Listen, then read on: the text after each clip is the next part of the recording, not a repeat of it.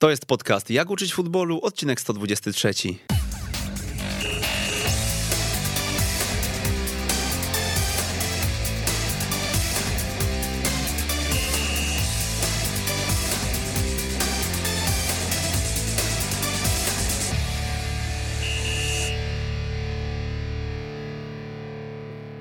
Jak uczyć futbolu, odcinek 123.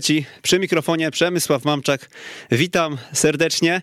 Tylu gości jednocześnie w Jak uczyć futbolu jeszcze nie było. E, aż pięciu e, trenerów e, kategorii Orlik dzisiaj obok mnie. To jest ta piątka, którą wybierałem kilka godzin, powiem szczerze, bo kilkanaście maili, kilkadziesiąt gdzieś oznaczeń, zgłoszeń się pojawiło do tego odcinka, bo do tego odcinka mogliście się zgłosić, żebyśmy sobie o kategorii Orlik i pracy z nią mogli porozmawiać. No i liczymy na to, że dokonaliśmy dobrego, idealnego wyboru. Są ze mną Patryk Kajderowicz, koordynator do spraw szkolenia w Akademii Piłkarskiej Hutnik Kraków. Witam serdecznie. Tomasz Kunicki, e, koordynator Akademii Noteć Łabiszyn, e, trener skrzatów, orlików i trampkarzy w tejże e, szkółce. Witam serdecznie. Mariusz Talarczyk, założyciel, menedżer Fundacji Espaniola i trener w Akademii Espaniola w Gliwicach. Cześć wszystkim. Damian Serwuszok, Akademia Odry Opole, e, trener U11, drugi trener U16 Witam serdecznie. i Paweł Kwiatkowski, trener U11 i koordynator do spraw szkolenia w Akademii Rozwoju Katowice w piłce dziecięcej od U5 do U12. E, mam nadzieję, że Pawła e, słyszymy, bo, e, bo gdzieś tu w słuchawkach go nie miałem, ale okej, e, panowie, krótkie wprowadzenie za chwilkę ode mnie. Może zaczniemy tylko od tego, ile macie treningów w tej kategorii wiekowej i jaki jest czas trwania tych, tych treningów. To może ja zacznę. W Akademii Piłkarskiej Hutnik Kraków, e, w której obecnie pracuję w roli koordynatora do spraw szkolenia w kategorii wiekowej Orlik, realizujemy trzy jednostki treningowe plus czwartą, którą e, dedykujemy stricte treningowi motorycznemu, em, który prowadzony jest e, przez, przez dział motoryczny w naszej mm, Akademii. Treningi trwają minimum półtorej godziny, ale aczkolwiek jeżeli jest tylko taka możliwość, to trenerzy adekwatnie do swoich potrzeb e, je wydłużają.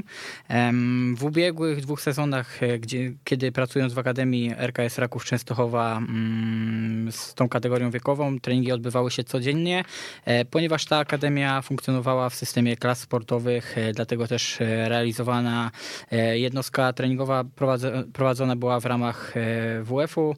Warto, warto wspomnieć tutaj e, w tym przypadku o treningu poniedziałkowym, który odbywał się na basenie. E, Po nim natomiast przechodziliśmy na salę gimnastyczną, gdzie realizowaliśmy mm, dodatkowe sporty. E, Treningi trwały około dwóch godzin. Em, Mieliśmy takie możliwości, więc z nich e, korzystaliśmy.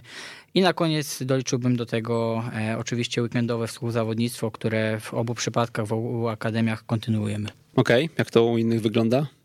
W Odrze Opole również e, dzieciaki w wieku Orlika trenują trzy razy w tygodniu. Jest to trening piłkarski, plus czwarta jest to jednostka stricte motoryczna. No i w weekend oczywiście rozgrywki, e, sparingi bądź turnieje. Śmiało, śmiało panowie. Pozostali też muszą odpowiedzieć. W Espanioli działamy troszeczkę inaczej, e, ponieważ e, nie zamykamy się tylko na grupy zaawansowane, działamy także z dziećmi, które piłkę nożną uważają jako dodatkowy sport, bo świetnie pływają na przykład lub są super judokami, natomiast e, korzystają z naszych treningów jako jedynej gry zespołowej, g- gry zespołowej, więc nawet mamy grupy, które trenują tylko raz w tygodniu. Natomiast taka standardowa jednak e, opcja jest, są to dwa treningi tygodniowo. Nasze dzieci, które są wyróżniające się, mogą też korzystać z jednostki, która jest organizowana przez nasz klub partnerski Piast Gliwice S.A. Tak więc y, tworzy się wtedy trzecia jednostka, a do tego oczywiście rozgrywki, które dzieją się zazwyczaj weekendowo. U nas w Akademii y, Noteci Łabiszyn prowadzimy treningi dwa razy w tygodniu. Czas zajęć to 60 minut i do tego dochodzi 15 minut przed każdym treningiem, gdzie wpuszczamy zawodników na zabawę dowolną, e, w której skupiamy się na tym, żeby dzieciaki mogły się pobawić między sobą piłką. E, Mam nadzieję, że teraz mnie słychać. Tak jest, możesz się Paweł jeszcze raz przywitać w takim E, razie. Dzień dobry wszystkim. E, U nas w Orliku Młodszym wygląda to tak, że trenujemy trzy razy w tygodniu po 90 minut. Dodatkowo mamy godzinne zajęcia judo i gimnastyki. Dodatkowo mamy oczywiście rozgrywki ligowe organizowane przez Podokręg, a także rozgrywki w lidze S9, która skupia drużyny z największych akademii na Śląsku. Tak, e, wielu was tutaj dzisiaj jest, że e, nawet jedne, jednego kabla do mikrofonu e, zapomnieliśmy podłączyć, ale już jest Paweł z nami. No to słuchajcie, bo mm, no, pytań mamy sporo mm, też tutaj w sieci, bardzo fajnych pytań, na które pewnie ile nam czas, na ile nam czas pozwoli, będziemy chcieli odpowiedzieć. Natomiast my mamy takie standardowe kwestie, które gdzieś są w stanie nam pewnie zdefiniować pracę z daną kategorią wiekową. Ja jeszcze ją może krótko scharakteryzuję na wstępie, jak już się wszyscy przedstawiliśmy, przedstawiliśmy ile tych treningów macie w tygodniu. Kategoria Orlik to kategoria Junior E, czyli em, U10 i U11, e, trzecia, czwarta klasa szkoły podstawowej. Mówimy o piłce nożnej siedmioosobowej. E, W narodowym modelu gry Polskiego Związku Piłki Nożnej e, wyróżniamy dwa mm, systemy, ustawienie mm, to, to, to pierwsze to 1, 2, 3, 1, e, natomiast ustawieniem alternatywnym jest 1, 3, 3. Gramy w mecze, mecze gramy w, na boisku typu Orlik, czyli około 26 do 30 e, metrów szerokości i 50-60 metrów e, długości. E, Bramki mm, 5 na 2 oczywiście.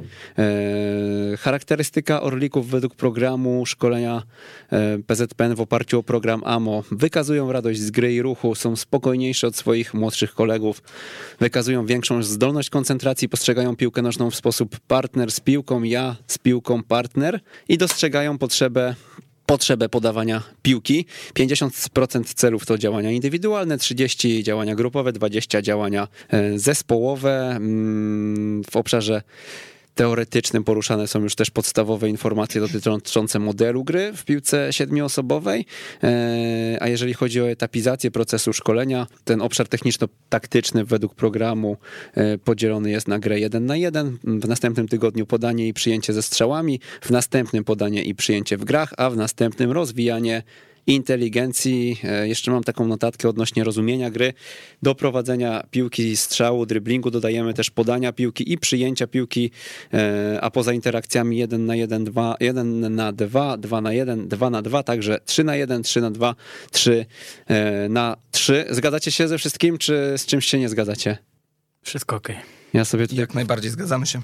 Powtórzyłem sobie to, co gdzieś tam e, czytałem w programie, ale wszystko na szczęście dobrze pamiętam. E, powiedzcie w takim razie, co jest waszym zdaniem kluczowego, e, jeżeli chodzi o pracę z orlikami właśnie.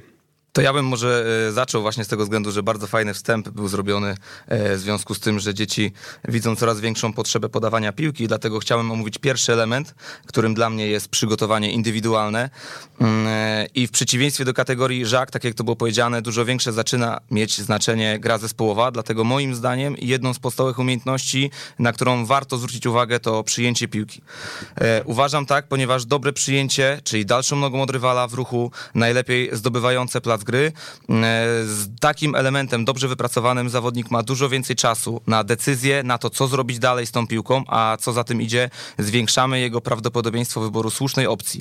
Od razu chciałbym się tutaj też odnieść do przykładu praktycznego, czyli jak możemy wypracowywać to w grach. E, No i dam tutaj przykład najprostszej gry, czyli popularnego dziadka, e, który możemy wykonać w wariancie 3 na 1. Tak jak zazwyczaj trenerzy to ograniczają, kiedy jest dolna grupa, że mamy na przykład dwa kontakty maksymalnie albo jeden. Ja bym tutaj e, postawił barierę totalnie w drugą stronę, czyli wymuszamy na zawodnikach, że na małej przestrzeni, kiedy grają 3 na 1, muszą co najmniej dwa razy dotknąć piłki, co jakby po wskazówkach trenera e, momentalnie powoduje, że e, nasi zawodnicy, nasi podopieczni od razu przyjmują tą piłkę tak, żeby uwalniać się od opieki rywala i przede wszystkim nie boją się przyjmować jej pod presją.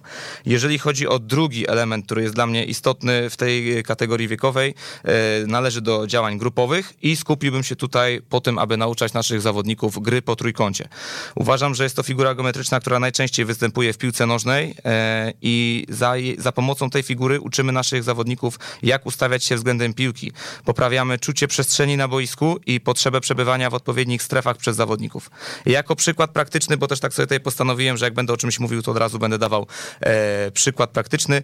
Chciałbym również e, zaznaczyć, że mamy ustawionych zawodników w polu kwadratowym i mamy grę 3 na 1, co wymusza na naszych zawodnikach e, sposób przemieszczania się w ten sposób, żeby cały czas tworzyć linię podania. Jeżeli nie pozwolimy e, odcinać się obrońcy od możliwości otrzymania piłki. To powoduje, że gra jest bardzo intensywna i dobrze wytłumaczona, bardzo szybko e, zdobywa przełożenie na grę właściwą. Oczywiście naturalną progresją jest zmniejszenie pola gry, co powoduje ułatwienie dla obrońców, e, utrudnienie dla utrzymujących się przy piłce. No i ostatni element tutaj, bo się troszeczkę rozgadałem, to jest e, element motoryczny. E, no i tak jak tutaj jest e, powiedziane, chciałbym zaznaczyć takie elementy jak zdolność dostosowania motorycznego, zdolność różnicowania ruchów, zdolność reakcji na bodziec, zdolność rytmicznego wykonywania ruchów, gibkość, szybkość ruchu, to wszystkie zdolności koordynacyjne i kondycyjne, które są w okresie sensytywnym dla tego rozwoju. Dlatego naszym szczególnym zadaniem jako trenera jest przede wszystkim to, e, żeby dostarczać w różnych środkach treningowych, w różnych formach, e, dbać o różnorodną, e, różnorodny rozwój tej sprawności fizycznej. Moją propozycją praktyczną jest to, aby w jednym treningu skupić się na przykład na tym, żeby stworzyć wielozadaniowy tor przeszkód, w innym na przykład dać jako dodatek do treningu zapasy naszym zawodnikom. I poprzez stosowanie takich różnych form, różnych metod dbamy o ogólną sprawność tych naszych zawodników, co jest jeszcze dla mnie istotne, warto zadbać także o takie elementy podstawowych sprawności, jak na przykład nauczanie przewrotu przodem, ponieważ warto zwrócić uwagę, że ta grupa wiekowa e, jest po nauczaniu wczesnoszkolnym, gdzie nie ma możliwości, e, żeby były edukowane te dzieci przez e, profesjonalną kadrę, ponieważ zazwyczaj są to osoby w nauczaniu wczesnoszkolnym, nauczyciele, którzy prowadzą tylko i wyłącznie nauczanie wczesnoszkolne, czyli skupiają się na wszystkich elementach, więc ciężko tutaj zadbać o fachowca. Dlatego moim zdaniem my jako trenerzy też powinniśmy o tym myśleć. E, może teraz e, ja po takim. E... A to może najpierw zapytam jeszcze ja, czy ze wszystkim się zgadacie z Tomkiem, bo ja bym proponował komentować to na bieżąco. Jeśli macie jakieś tutaj ewentualnie zastrzeżenia, to, to dawajcie. Z pewnością. Ja może trochę uważam, że te wszystkie elementy występują już dużo wcześniej. I naprawdę można je realizować dużo wcześniej, już e, w skrzatach rzekach jest to mega mm, ważne i mega prawdziwe, że niestety dzieci są nauczane jeszcze u nas y, tych przewrotów, choćby fikołków tak zwanych śmiesznych, y, nie przez, nie przez specjalistów, a, a się okazuje, że to jest y, rzecz, która jest niezwykle potrzebna do uczenia się mm, piłki nożnej po prostu. E, ja może powiem, z czym się zgodzę, bo tutaj właśnie mowa o tej e, zdolności E, naszych zawodników do adaptacji na treningach, jeśli chodzi o ich fizyczność. I myślę, że powinniśmy się w Orlikach mocno skupić na ich wszechstronnym ruchu. Tak jak wcześniej tutaj wspominaliśmy, pierwszy raz tutaj dochodzi do jakichś działań grupowych, zespołowych i bardzo często skupiamy się już na specjalizowaniu zawodników na danych pozycjach i skupiamy się tylko na piłce nożnej, a zapominamy często, że to jest taki złoty okres do rozwoju ich fizyczności i my w rozwoju Katowice postawiliśmy na tą kartę i wprowadzamy do naszego e, planu e, zajęcia z judo i gimnastyki. Wtedy my mamy dodatkowe 60 minut, żeby nauczać właśnie takich elementów, jak wcześniej wspomniane przewroty, jak praca nad siłą, nad prewencją już na tak wczesnym etapie, a my jako trenerzy piłki nożnej możemy się skupić przez 90 minut w swoich jednostkach na mm, rzeczach związanych z piłką nożną tylko i wyłącznie. E, więc to jest pierwsza rzecz moim zdaniem kluczowa w pracy z orlikami. E, drugą jest na pewno dribbling, bo tak jak wcześniej wspomniałem, e, mocno chcemy już akcentować w kategoriach, w tych kategoriach podania, a uważam, że to jest idealny moment, żeby jeszcze bardziej zachęcać zawodników do driblingu. Ich zasób zwodów jest w tym wieku bardzo duży, ich wyobraźnia i łatwość przyswajania nowych ruchów jest na wysokim poziomie, więc powinniśmy we wszelkich E, tutaj treningach, grach, środkach treningowych zachęcać ich do dryblingu. I trzecią rzeczą, o której się zapomina, a jest myślę równie kluczowa, jest świadomość rodziców, czyli już nie patrzymy na zawodników, ale musimy e, edukować rodziców. E, tutaj oczywiście pierwszy raz pojawiają się wyniki, ligi są podliczane, punkty. Często pojawia się ten sławny core, no i myślę, że tutaj duża rola trenerów, którzy pracują e, w kategoriach Orlik, żeby ta świadomość rodziców była na dużym poziomie. Jeżeli chodzi o pracę szkoleniową, którą, e, którą ja natomiast popełniam i którą, według której pracujemy w hutniku e, dotycząca tej kategorii wiekowej, to zawsze staramy się zwracać uwagę na trzy aspekty, e, które znaczy, według mnie w znacznym stopniu determinowały będą jej efektywność pracy szkoleniowej. Pierwszym takim aspektem, o którym chciałbym powiedzieć, jest rozwój sportowy zawodnika, mówiąc najogólniej, a, a przede wszystkim mm, chodzi o to, aby ukształtować zawodnika charakteryzującego się możliwie najwyższą jakością umiejętnością piłkarskich, które pozwolą mu rywalizować na jak najwyższym poziomie. E, oczywiście w tej kategorii wiekowej priorytetami są e, działania indywidualne, mm, w jakim stopniu e, już pojawiają się te działania e, grupowe, ale to wszystko opieram na, na fundamentach gry szczególnie gdy pracowałem z tą kategorią e, w Akademii RKS Raków Częstochowa. E, fundamenty gry, czyli w fazie ataku mamy postęp, ofensywną asekurację, mobilność, przestrzeń. W fazie obrony mamy powstrzymanie, defensywną asekurację, równowagę i zagęszczenie. Czym są te fundamenty? Mm, myślę, że najprościej można to ująć w słowach. Są to podstawowe zasady zachowań e, techniczno-taktycznych, które funkcjonują niezależnie od przyjętego modelu gry e, i oparte są o, o procesy mm, decyzyjne. E, jest to według mnie podstawa nauczania i doskonalenia działań w taktyce indywidualnej i grupowej, szczególnie w młodszych kategoriach wiekowych. Mm, drugim aspektem, o którym chciałbym wspomnieć, jest rozwój osobisty zawodników, czyli ukształtowanie ich e, e, w ich odpowiednich wartości osobowościowych, które pozwolą poradzić e, im sobie w życiu i sprawią, że w przyszłości będą mieli szansę zostać po prostu dobrym, dobrym człowiekiem. Sukcesem dla mnie będzie zarówno wychowanie profesjonalnego piłkarza, jak i osoby, która posiadała będzie dobrą pracę, najlepiej taką, która będzie jej pasją, ułożone życie, po prostu będzie, będzie szczęśliwa i uważam, że my jako trenerzy Jesteśmy nierzadko wzorami do, do naśladowania dla naszych podopiecznych, mm, dlatego też e, według mnie bardziej prawdopodobnie jest to, że nasi podopieczni będą takimi, jakimi my jako trenerzy jesteśmy, aniżeli takimi, jakimi chcielibyśmy, aby byli, więc e, my stanowimy dla nich pewne odbicie lustrzane e, i według mnie Zresztą jest też taki, taki cytat, który mówi, że e, tak naprawdę my jako trenerzy nie mamy wyboru, czy zdecydujemy się uczyć e, naszych zawodników pewnych wartości, tylko jakich wartości będziemy e, ich uczyć będziemy je mm, im wpajali. Trzecim aspektem, trzeci aspekt dotyczy roli samego funkcjonowania trenera w całym procesie szkolenia, zarówno biorąc pod uwagę jego warsztat trenerski, posiadaną wiedzę teoretyczną i umiejętności praktyczne, a także te kompetencje miękkie, czyli związane z cechami i aspektami mentalnymi, poziomem ich oddziaływania na samego zawodnika, zespół, czy, czy po, po prostu współpracę w sztabie. Okej, okay, e, przysłuchiwałem się e, moim przedmówcom. Teraz powiem wam, gdzie, co, gdzie robicie błędy. Nie, nie, nie, zgadzam się, generalnie zgadzam się z, z kolegami po fachu. E, chciałbym jeszcze sprecyzować i omówić tą kategorię wiekową. Generalnie jak dla mnie jest to kapitalna kategoria wiekowa do prowadzenia, ponieważ dzieci są już świadome, można z nimi fajnie pożartować, są już, są już świadome i, i naprawdę kumate, a jeszcze są przed okresem pokwitania, czyli ta ich somatyka jest, jest bardzo fajna, jeszcze koordynacja nie jest zaburzona, więc bardzo łatwo te dzieci przyswajają nowe elementy techniczno-taktyczne, praktycznie motoryczne tak samo. Większość dzieci, praktycznie wszystkie już wyszły z e, etapu egocentryzmu, e, więc jest to, jest to naprawdę bardzo taka wdzięczna kategoria wiekowa do prowadzenia i, i myślę, że to też jest e, ważne, że praktycznie obojętnie jakie byśmy nałożyli obciążenia, możemy mieć w piątek mocny trening, a w sobotę rano gramy turniej i te dzieci są zregenerowane, one są gotowe, praktycznie frekwencja na treningach, frekwencja na meczach y, jest stuprocentowa praktycznie w ogóle nie zdarzają się kontuzje, więc to jest, to jest bardzo fajne w tej kategorii wiekowej. E, a o czym pamiętać, w jakich aspektach? Na pewno sprawność ogólna. Tutaj z, z, kolegami się zgadzam, że to jest jakby klucz do wszystkiego, bo jeżeli ktoś nie ma koordynacji, no to potem nie nauczy się techniki. To jest jakby baza do tego wszystkiego.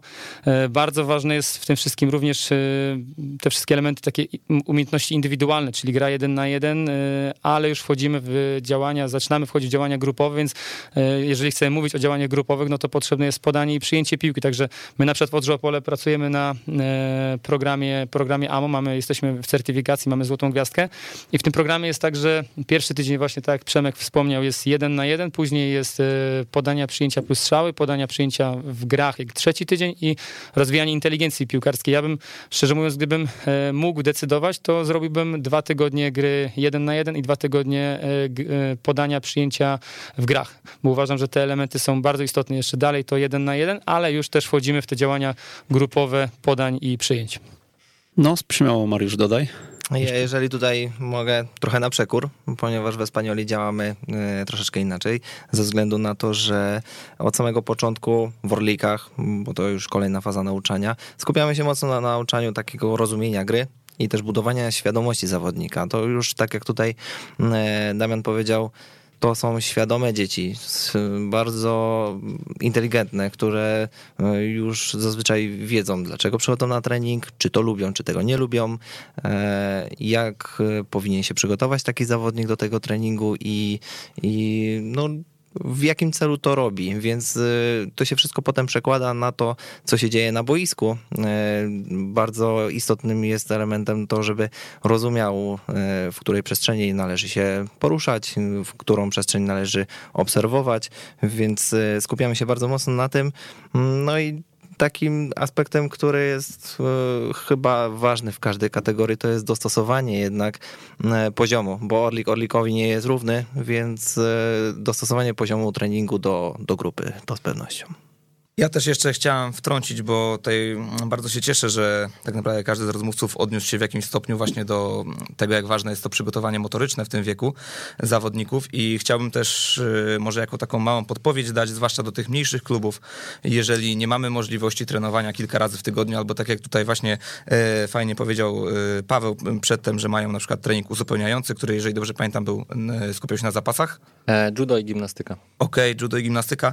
I ja bym właśnie zaproponował też, żeby trenerzy edukowali swoich rodziców, mm, zwłaszcza jeżeli te treningi są dwa razy w tygodniu tylko, e, żeby uzupełniać ten trening właśnie jakimś dodatkowym sportem. I też bym właśnie zaznaczył, że duże znaczenie ma to, żeby to był jakiś inny sport, e, niekoniecznie właśnie kolejny trening e, piłkarski w innej na przykład akademii, tylko żeby faktycznie uzupełniać, bo ta sprawność ogólna jest szczególnie ważna w tym wieku. Ja bym tutaj dodał, że poleciłbym wszystkim rodzicom e, basen jako uzupełnienie, bo to rozwija całe ciało tak najbardziej chyba harmonijnie ze wszystkich sportów indywidualnych. Bardzo trudna profesja, trener Orlików. Słuchajcie, e, kluczowe cechy Bardzo mieliśmy przyjemna. wymienić. 20 minut, e, 20 minut wymienialiśmy kluczowe, tylko kluczowe aspekty pracy z Orlikami, więc e, jakbyśmy to mieli rozwinąć, e, to ktoś, kto nas słucha i może chce być trenerem Orlików, e, myśli sobie, o kurde, e, trochę przede mną jest roboty, tak e, sobie żartujemy, ale słuchajcie, Trzy najważniejsze inform, e, umiejętności w tej kategorii. Powiedzieliście już po części o tym, ale gdybyśmy sobie mieli tak to zawęzić. Chciałbym przejść do tych e, tematów związanych, e, no nie chcę powiedzieć z taktyką, ale z tymi już założeniami jakimiś grupowymi, działaniami czy grupowymi, czy zespołowymi. A i za chwilę do tego, do tego na pewno przejdziemy. Nie będziemy tutaj może po kolei, po kolei według schematu mm, sobie tutaj tych wnios- wątków podciągać, ale powiedzcie mi najpierw może o tych umiejętnościach waszym zdaniem.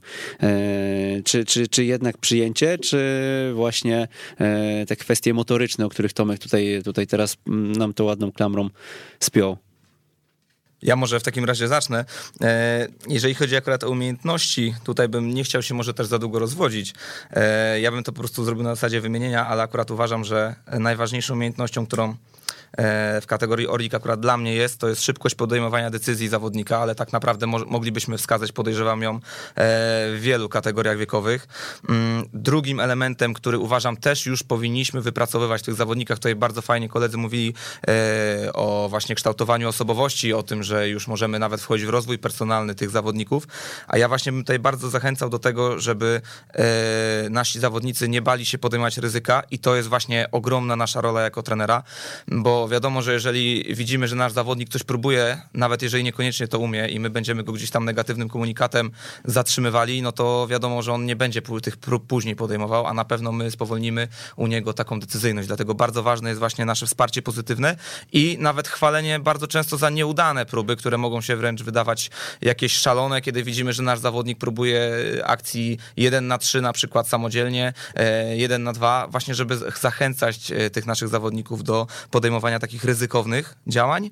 No i ostatnim elementem, który myślę, że obowiązkowo akurat tu trzeba go zaznaczyć, przynajmniej z mojej strony tak uważam, to jest właśnie współpraca z partnerami, ponieważ tak jak tutaj wielu już kolegów mówiło przede mną, kończy się ten etap egocentryczny i bardzo ważne jest, żeby jednak e, uświadamiać tą grupę, że ich współpraca jest bardzo ważnym elementem, że ta synergia między nimi ma duże znaczenie, dlatego musimy też budować tą współpracę z partnerami nie tylko na boisku, ale też e, poza nim, co myślę jest bardzo dobrym wiekiem do rozpoczynania budowania tak naprawdę relacji poważniejszych między naszymi zawodnikami. E, ja myślę, że najważniejszym aspektem jest na pewno, na pewno motoryka, ale to w każdej kategorii wiekowej jest ważna. A dlaczego jest ważna w Orliku?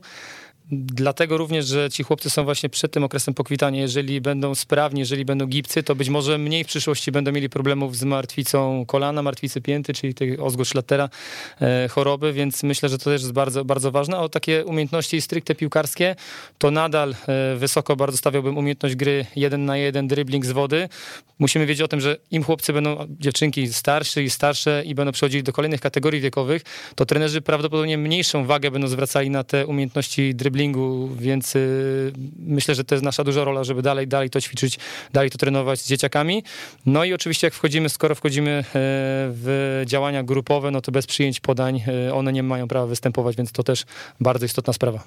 E, ja myślę, że u Orlików powinniśmy przede wszystkim spojrzeć na strukturę poznawczą i ja sobie tutaj wypisałem, że dla mnie i dla rozwoju Katowice najważniejsze w tej kategorii jest identyfikowanie sytuacji, w której jesteśmy w przewadze, równowadze bądź niedowadze, e, co będzie bardzo ważne w kontekście późniejszego rozumienia ich gry. E, I tak samo idąc tym tokiem myślenia, myślę, że powinniśmy położyć duży nacisk na umiejętność wykorzystania dostępnej przestrzeni na boisku, e, dzięki czemu zawodnicy będą e, mieli bardzo dużo czasu na podjęcie decyzji i na wykonanie działania techniczno-taktycznego. E, to były takie dwie umiejętności ze struktury poznawczej, a jeśli chodzi o strukturę bardziej techniczną, no to myślę, że ustawienie ciała ma tutaj bardzo duże znaczenie. No i oczywiście tworzenie linii do podania. A co to znaczy ustawienie ciała, jakbyś jeszcze rozwinął? E, chodzi mi tutaj o to, że tak jak e, wspominamy, e, zaczyna się gra podaniami, więc bardzo ważne jest ustawienie zawodnika, który tworzy linię podania, żeby nie był zamknięty, na, czyli na przykład nie przyjmował piłki ple, plecami do bramki przeciwnika, tylko otworzył się, ustawił w takim sposób, że widzi jak najwięcej miejsca i przestrzeni na boisku. Ja tak jak e, już wspomniałem, swoją pracę, jeżeli chodzi o te działania techniczno-taktyczne, opieram na, e, na fundamentach, e, które ściśle korelują z rozumieniem gry, z, procesami, z procesami decyzyjnymi. Mm, jeżeli chodzi o te fundamenty, to w kategorii wiekowej Orlik w Rakowie skupialiśmy się mm, na pierwszych trzech w ataku i pierwszych trzech w obronie, które już wcześniej wymieniłem. Wszystkie, jeżeli chodzi o, o fundamenty, dotyczą centrum gry nie, nie wszystkie w nim się zawierają, ale czym jest e, centrum gry? Dla mnie jest to mm, przestrzeń, e, która charakteryzuje się największą intensywnością, której przeciwdziałają zawodnicy w fazie ataku i fazie obrony. A jeżeli chodzi o same fundamenty, to um, pierwsze trzy, czyli w fazie ataku postęp, ofensywna asekuracja i mobilność. Jeżeli chodzi o postęp, to, um, to te działania zawodnika posiadającego piłkę um, w, kierunku, w kierunku bramki e, rywala, oparte o kontrolę przestrzeni, przestrzeni, o decyzję, o odpowiedni e, wykon elementu technicznego, elementu sprawności specjalnej. Jeżeli chodzi o, o postęp, e, to mm, znalazłem tutaj taką analogię do e, prowadzenia auta. Mm, jeżeli mamy mm, postęp i te aspekty dotyczące kontroli przestrzeni, decyzji, odpowiedniego wykonu elementu technicznego, to w przypadku prowadzenia samochodu obserwujemy cały czas w lusterkach to, co dzieje się wokół nas. W stosunku do tego musimy podjąć odpowiednią decyzję, czyli albo skręcamy, albo wyprzedzamy, e, wymijamy, omijamy włączamy kierunkowskaz i tak dalej. I trzeci aspekt, jeżeli chodzi o wykon, e, to musimy w odpowiednim, e, odpowiedniej jakości wykonać ten skręt, żeby nie, nie doszło do kolizji. W odpowiednim e, momencie musimy włączyć kierunkowskaz, żeby zasygnalizować zamiar przykładowo skrętu. I to, to myślę, że taki aspekt, który dotyczy postępu. Kolejne fundamenty, ofensywna asekuracja, czyli zapewnienie tej pewności, reakcja na straty, tworzenie bezpiecznej linii podania, mobilność, e, czyli ta diagonalna linia podania przeciwległa do drugiego fundamentu, czyli do tej ofensywnej asekuracji, tworzenie tej linii właśnie podania powyżej linii mm, piłki. E, jeżeli chodzi o te aspekty w obronie, mm, to, to powstrzymanie, czyli czyli zadania zawodnika, który swoim zachowaniem prowadzi do odbioru piłki e, rywalowi, e, oparte o szybkie skrócenie odległości, o maksymalnie szybkie skrócenie odległości, zamknięcie linii podania, e, pozycję obronną, decyzję, czy odbieram, czy opóźniam, technikę odbioru piłki, defensywna asekuracja, czyli tutaj asekuracja zawodnika, który powstrzymuje zapewnienie, działanie to ma na celu uniknięcie sytuacji przewagi liczebnej rywala, mm, równowaga, czyli zamykanie linii podania, powyżej bądź poniżej linii piłki, tworzenie równowagi w centrum gry. E, I to są te, te, mm, te fundamenty, na których się przede wszystkim skupiam. E, ale tak jak na wstępie powiedziałem, procesy decyzyjne i rozumienie gry to uważam, że e, za najważniejsze. Na pewno mm, Orlik musi mm, mieć umiejętność radości z gry. To tak troszeczkę od ogółu do szczegółu. Jest to niesamowicie ważne, bo jeżeli lubi grać w piłkę, to możemy e, dużo więcej zdziałać. Jeżeli naprawdę chce to robić, jest tego świadomy, jest, jest e, zupełnie inna praca. Natomiast y, pozostałe dwie umiejętności, o których y, zawsze myślę, mówię, to jest na pewno adaptacja, szybka adaptacja do tego, co się dzieje na boisku. To ułatwia wdrożenia w fazy przejściowe, więc y, to jest, to jest moment, w którym w z którym dzieci mają najczęściej najwięcej problemu, a wychodzi bardzo naturalnie, jeżeli, jeżeli dzieci nabywają tej zdolności do adaptacji e, do danej sytuacji na boisku i Tutaj zgodzę się na pewno z przedmówcą e, o tym, że rozumienie gry to jest jeden z podstawowych elementów, które e, każdy orlik, niezależnie od tego na jakim poziomie technicznym w zasadzie jest, jest najważniejszy uważam. Widzę, super jesteście przygotowani, panowie. Powiedzcie mi, e, nawiązując do tego, co mówiłem chwilkę wcześniej, zalążki taktyki to dobre określenie, mm, mówiąc o przejściu z żaka do seniora, waszym zdaniem? Tak, myślę, że myślę, że dobrze to ująłeś. E, Skoro wcześniej było tylko taktyka e, indywidualna, teraz już wchodzimy w tą taktykę grupową, więc e, myślę, że mm, fajnie, dobrze mm, z zawodnikami e, w tym wieku pewne rzeczy mieć, mieć opanowane, takie jak na przykład otwarcie gry, takie jak wysoki pressing. To są dwa aspekty, które tak się od razu nasuwają nam, jak mówimy o pracy z dziećmi, prawda? To powiedzcie, dlaczego właśnie otwarcie gry, a nie, nie wiem, zakończenie gry, albo e, dlaczego, oczywiście nie mówimy, że tego nie ma, prawda, ale dlaczego akurat e, to wymieniłeś, Damian, a jednocześnie dlaczego e, obrona wysoka, pressing wysoki, a nie, e, a nie kompakt, autobus i obrona niska? E, ja myślę, że no, prosta jest bardzo odpowiedź na twoje ostatnie pytanie. E, dlaczego... No wreszcie się ożywiliście, widzę ręce w górze, dawaj, dawaj, dawaj, dawaj. E, dla, dlaczego nie bronimy w kompakcie? No bo tutaj jeszcze dzieci dalej mają tą, to pożądanie piłki, one chcą być w jej posiadaniu, więc bardzo sprawnie można, mogą to trenerzy wykorzystać i nauczać w swoich wszystkich środkach pressingu wysokiego, czyli tej obrony wysokiej na połowie przeciwnika, żeby jak najszybciej e, nasi zawodnicy odebrali piłkę. Dzięki temu jesteśmy bliżej bramki i łatwiej nam ją wtedy zdobyć. Ja, ja, w takim razie, przepraszam, może wrócę do odpowiedzi tutaj na to pytanie też, e, które bardzo fajnie tutaj Przemek sformułowałeś, dlaczego właśnie nauczamy e, otwarcia gry i tego pressingu wysokiego, a nie jakichś innych elementów gry. E, no moim zdaniem wynika to głównie z tego, że są to elementy, które w, w, każdym meczu pojawiają się to bardzo dużej ilości. E, ma to również duże znaczenie, ponieważ jest to skorelowane z przepisami gry w kategorii Orlik, mianowicie bramkarz. E, może teraz mnie tutaj e, koledzy poprawią, ale na przykład w naszym związku kujawsko-pomorskim akurat tak było, czy to na turniejach Deichmann, czy to na turniejach e, Tymbark, czy też w naszych rozgrywkach ligowych, mm, że nie może bramkarz zagrać za połowę przeciwnika. No i wiadomo, że to daje naturalną tutaj szansę do tego pressingu wysokiego, kiedy przeciwnik chce otwierać tą grę na krótko, a wiadomo, że jeżeli bramkarz nie może zagrać tej piłki dalej, to zazwyczaj powinny tego zespoły szukać.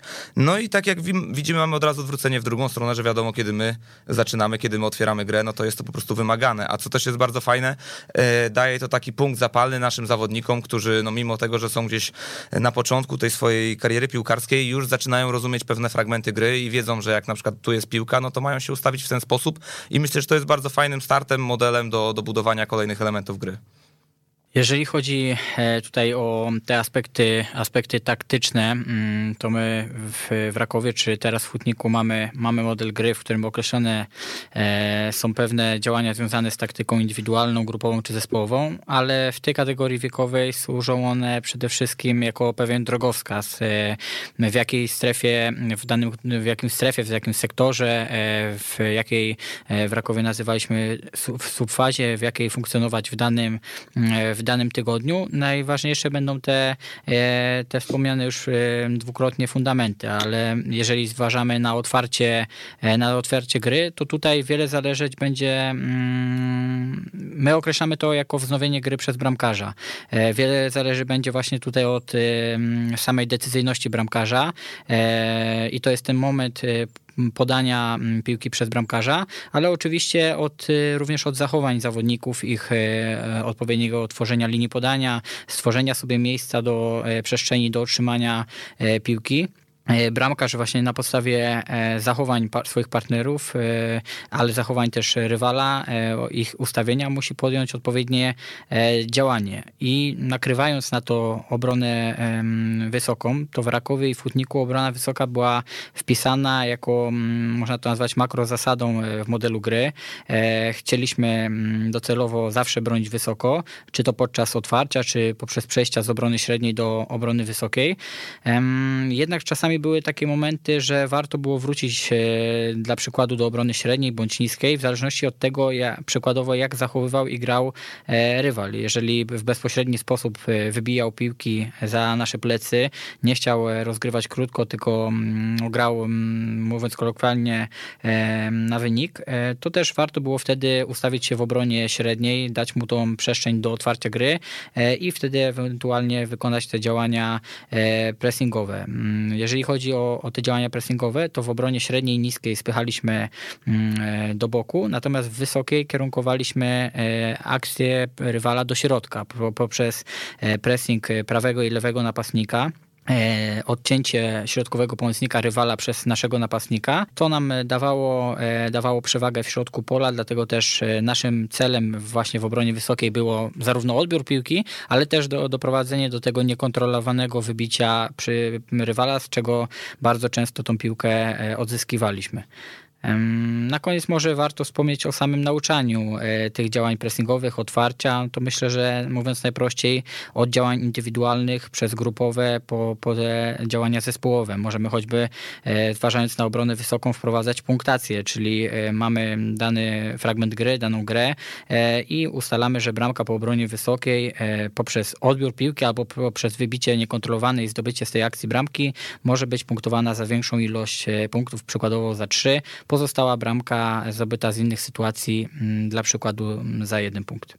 To, co powiedziałeś, e, brzmi bardzo skomplikowanie jak na ten etap e, wiekowy i zapytam was wszystkich, jak e, właśnie do tego podchodzicie, bo powiedziałeś, że to co w modelu ma służyć jako drogowskaz, prawda? Ale, no ale właśnie, mm, ten drogowskaz zawodnikom jest aż tak dokładnie przekazywany przez was jak przez e, jakieś odprawy wcześniej, przez, przez wideo, przez tablicę taktyczną, e, no bo mówimy o dziesięciolatkach, którzy e, mają spychać do boku, tak? No, no, no jest to jakieś już założenie, myślę, takie, mm, no brzmi to trochę seniorsko. Tak, oczywiście ja tutaj ująłem to w dość specjalistyczny sposób. Rozmawiamy tutaj wśród, wśród trenerów i gdzieś tam nawet nomenklaturę, którą użyłem, to jest dedykowana nam. Oczywiście zawodnikowi nie będziemy tego przedstawiać w ten sposób, e, nie będziemy zarzucać go tą teorią. E, chcemy, żeby on sam do tego doszedł, żeby sam sam, mm, sam znalazł odpowiednie rozwiązanie. E, my możemy poprzez choćby pytania otwarte, e, poprzez odpowiednie środki treningowe wymuszać na nim niejako znalezienie tych odpowiednich rozwiązań, czyli tworzyć tak środki treningowe, aby zasady i, i reguły tych, tych ćwiczeń realizowały cel, na którym nam zależy. I myślę, że to jest największa sztuka, żeby nie wpajać tym zawodnikom mm, bardzo dużo wiedzy, nie sprzedawać całej wiedzy, którą mamy podczas treningów, podczas odpraw, ale stworzyć tak środki treningowe, aby bez naszej ingerencji one realizowały mm, założone cele. Ja myślę, że w tym wszystkim bardzo istotne jest to, że nieważne co my powiemy, ważne co zawodnicy usłyszą. Ta ich zdolność do koncentracji też jeszcze nie jest długa, dlatego ja na przykład, przykładowo nasze odprawy przedmeczowe są, są raczej krótkie, nawet nie zawsze są w szatni, kiedy są po prostu przed, e, przed meczem przekazywane. Mm, mamy opracowane pewne rzeczy, ale uważam, że jeżeli czegoś nie zrobimy w treningu, to potem nie ma sensu o tym mówić przed meczem, bo zawodnicy i tak tego raczej nie wykonają, więc e, lepiej zdecydowanie jest to przećwiczyć z nimi w treningu, treningach i wtedy tylko kwestia przypomnienia przed, e, przed meczem o tym, co, co realizujemy. Ale tak rzucę temat panowie i, i zapytam was, czy, czy zawsze e, otwarcie krótkie i czy zawsze pressing wysoki, czy czasem e, uważacie, że powinno być inaczej? Ja uważam, że trochę posługując się ciągle właśnie naszym narodowym modelem gry, wpadałem w taką pułapkę, że każda drużyna chce grać tak samo i nagle się okazuje, że jeżeli zastosujemy pressing średni, to w zasadzie ułatwiając przeciwnikowi otwarcie gry, nie potrafią zrobić nic więcej dalej, bo nie potrafią przenieść tego e, do środkowej strefy boiska. Więc e, myślę, że stosowanie tylko jednego nie wiem, schematu, jednego, jednego modelu gry e, może, może być właśnie wpędzające w pułapkę. Jednakowoż no, spróbujmy czy to w sparingach. Miałem dokładnie ostatnio taką sytuację. Spróbowałem pressingu średniego, który gdzieś tam się pojawia po prostu e, w zadaniach, które, które realizujemy. Nie jest to nazwane stricte, że ćwiczymy e, teraz pressing średni. To jest po prostu informacja dla dzieci najprostsza, że odbieramy piłkę na połowie i to się okazuje, że to, to jest coś nowego. E, jest od tego właśnie sparring, żeby próbować czegoś e, nowego, e, przećwiczyć umiejętności na różnych pozycjach. Mm, a tak jeszcze podsumowując ten temat od mojej strony, nie ma elementów, mm, przynajmniej w Espanioli, technicznych bez taktyki, więc wszystkie elementy są techniczno-taktyczne. Nie uczymy dzieci prowadzenia piłki po slalomie, bo uważamy, że nie, nie znajduje się, nie, nie ma takiej sytuacji meczowej, kiedy prowadzimy piłkę slalomem e, na jeden kontakt, czy tam na dwa kontakty, tak jak to mm, jeszcze ja byłem uczony niestety. Tutaj mm, skupiamy się zawsze na tym, co może się wydarzyć w meczu. Tak więc e, sądzę, że to są, to, to powinny być też te fundamenty, które budują tak naprawdę to rozumienie gry. Więc jeżeli przeciwnik kopie piłkę przez całe boisko lub jeżeli y, rozgrywa zawsze od y, bramki krótko, tutaj też same dzieci powinny potrafić zdecydować, podjąć decyzję, czy bronią y, krótko, czy, czy bronią wysoko, czy, czy bronią średnio. Sądzę, że się też zgodzicie, panowie, że jako trenerzy będący z boku e, podczas meczu. W zasadzie już niewiele możemy zrobić. Niewiele możemy powiedzieć w takim, w takim wymiarze, żeby, żeby gra całkowicie się zmieniła. Możemy coś podpowiedzieć, natomiast to, co się dzieje na boisku, to już powinien być automatycznie prowadzący się autobus z jakimś tam kierowcą, a, a my jesteśmy takimi trochę pasażerami, którzy, którzy już mogą coś podpowiedzieć albo wskazać drogę, ale już wcześniej się wszystko wydarzyło na treningu, więc, więc to jest teraz weryfikacja tego.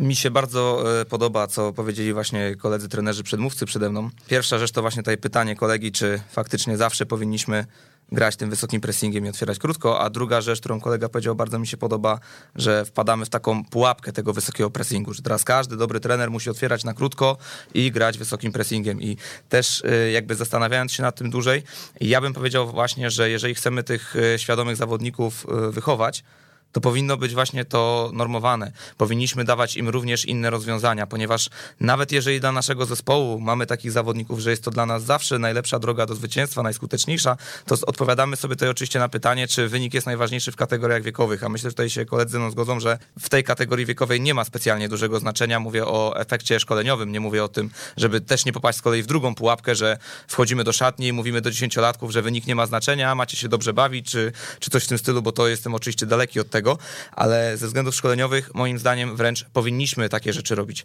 Zwłaszcza jeżeli widzimy, że ten nasz zespół wchodzi powoli na taki poziom, że przeciwnik przestaje być przeciwnikiem. Mm, to właśnie wtedy nawet jest fajnym pomysłem, żeby y, specjalnie chłopakom swoim kazać troszeczkę odpuścić, czyli przejść ten pressing średni i zobaczyć, co rywal zagra.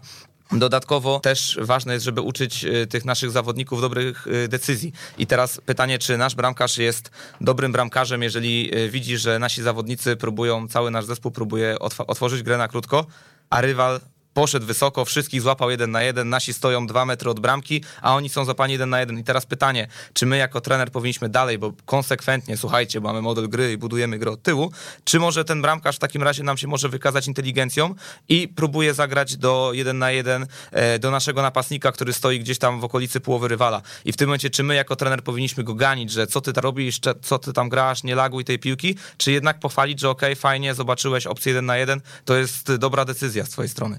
Więc ja tutaj, tak jak kolega pytał, uważam, że jak najbardziej powinniśmy próbować e, różnych środków, a nie zamykać się tylko i wyłącznie na jeden styl gry.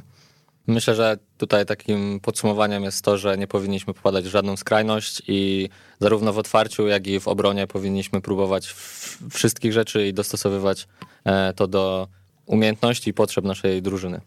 Ja bym tu jeszcze to spuentował, bo to chyba nie wybrzmiało, że to otwarcie, na to otwarcie zwracamy uwagę chyba głównie po to, żeby pokazać zawodnikom, że można być odważnym, że można popełnić błąd, ale na bazie tego błędu, będąc wrzuconym w to środowisko, e, trzeba po prostu wyciągnąć jakieś wnioski e, i nawet jeśli tą bramkę w turnieju stracimy, e, no to nie jest to koniec świata, tylko mm, w kolejnej sytuacji po prostu to wyjście spod pressingu powiedzmy będzie może, mm, zakończy się może sukcesem. Właśnie byłem ciekaw, panowie, waszych, waszych opinii i też e, zgadzam się z wami.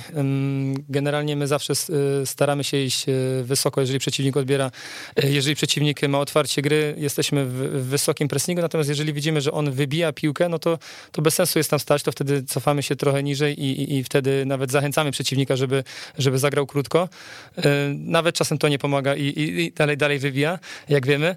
Natomiast jeżeli chodzi o otwarcie gry, to staramy się grać praktycznie zawsze, zawsze zawsze krótko. Mm, jeżeli, co innego, jeżeli bramkarz chwyci piłkę z akcji, no to wtedy, jeżeli ma, ma wolnego napastnika, no to, to jakby z gry wynika, że zagrać piłkę wtedy można do najwyżej ustawionego wolnego zawodnika, więc wtedy jak najbardziej można tą piłkę, e, tą piłkę przenieść e, podaniem, podaniem górnym. Natomiast jakby mu taki tip e, sprzedać, widziałem to kiedyś na turnieju, na turnieju w Czechach, bardzo fajnie się sprawdza, jeżeli mm, obrońcy są kryci jeden na jeden, ale są szeroko ustawieni, to bramkarz po prostu rzuca sobie piłkę pod nogi i sam, sam tą piłkę wprowadza i zawsze jest ta przewaga, e, przewaga wtedy jednego zawodnika. Gdy e, przeciwnik do niego ruszy, a nasz, e, nasz obrońca stworzy linię podania, zawsze możemy go 2 na 1 ograć, więc w ten sposób można, można grę otworzyć.